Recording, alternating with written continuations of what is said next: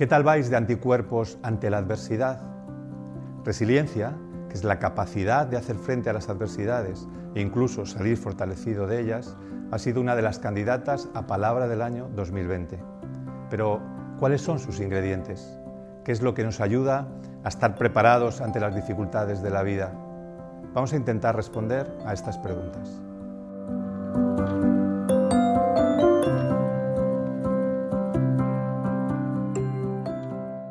A estas alturas de la película, seguro que ya habéis descubierto que la vida no es siempre de color de rosa. Vivimos tiempos que nos lo recuerdan de manera persistente y a unos más que a otros. Conflictos armados, desigualdad económica, desastres naturales, crisis sanitarias, pérdida de seres queridos, que hace que ante estas situaciones haya seres humanos que se hunden y otros, sin embargo, salen adelante o incluso aprovechan estas situaciones para salir mejorados o fortalecidos lo que llamamos factores protectores. Son nuestros antídotos contra la derrota, nuestra poción mágica, la fuente de nuestra capacidad de resistencia y adaptación. Vamos a ver cuáles son. El primero es el apoyo social. El apoyo social nos habla de relaciones humanas, de hombros amigos, de gente que nos ayuda, que nos aconseja o que nos escucha en los malos momentos. En su núcleo está la experiencia humana de sentirse aceptado por lo que uno es. Sus fuentes van desde la familia y los amigos a la gente con la que estudiamos o trabajamos o la comunidad de la que nos sentimos parte. Pero no basta con su disposición, con la disposición de los otros a echarnos una mano. En el apoyo social también juega nuestra capacidad para dejarnos querer y cuidar por los demás. El segundo factor protector es la autoestima.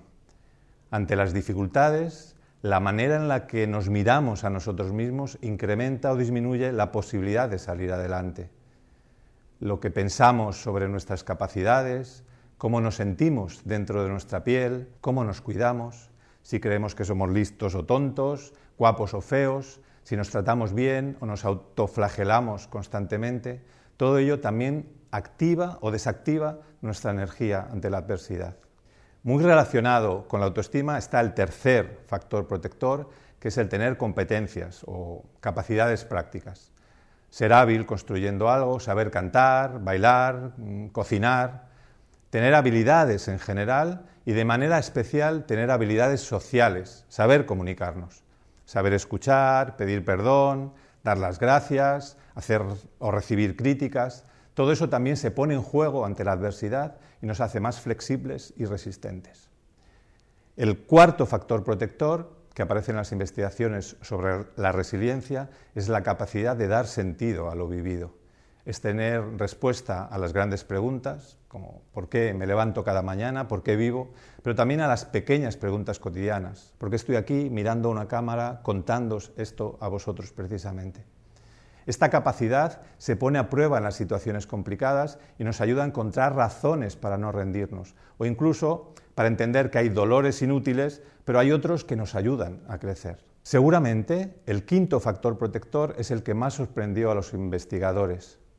Quizá no esperaban que, en el sentido, que el sentido del humor, que es el quinto factor protector, apareciese de manera tan recurrente en las historias de vida analizadas. Pero así es. El sentido del humor nos habla de aceptar la fragilidad como parte de nuestra condición humana y reírnos un poco de nosotros mismos. Es una señal de inteligencia, de la capacidad para distinguir entre lo fundamental, poquitas cosas lo son en la vida, y lo accesorio. Y parece que eso también es clave ante las adversidades. Ya veis, la resiliencia no es una especie de superpoder que algunos privilegiados poseen, es una capacidad que se construye, se alimenta, se educa, se desarrolla, es cierto que no todos tenemos las mismas oportunidades para desarrollar estos cinco factores de los que os he hablado. Por eso hay que seguir trabajando para cambiar este mundo mal repartido. Pero a la vez podemos ayudar y ayudarnos para que en nuestras circunstancias concretas, las de cada uno de nosotros y nosotras, potenciemos esos anticuerpos ante la adversidad. Con la ayuda de los otros, el apoyo social, mirándonos en el espejo de manera realista pero cariñosa, la autoestima, formándonos, cultivando nuestras aficiones, nuestras habilidades, especialmente nuestra capacidad de comunicarnos, haciéndonos preguntas, cogiendo las riendas de nuestra vida, no dejando que la vida vaya pasando sin más y sonriendo, riéndonos, especialmente de nosotros mismos, bailando, cantando, silbando, siendo a veces un poco niños, un poco brujas o piratas. En momentos complicados podemos pensar que todo está perdido y no hay nada que hacer. Ese realismo sin esperanza nos vuelve cínicos. También podemos pensar que pase lo que pase, todo acabará bien, que basta con desear algo para que suceda. Esa esperanza poco realista nos vuelve ilusos o ingenuos. La resiliencia nos ayuda a ajustar la mirada, a combinar sabiamente realismo y esperanza para seguir adelante. No se trata de un superpoder, se trata simplemente de vivir intensamente la vida poniendo en juego lo mejor de nuestra condición humana.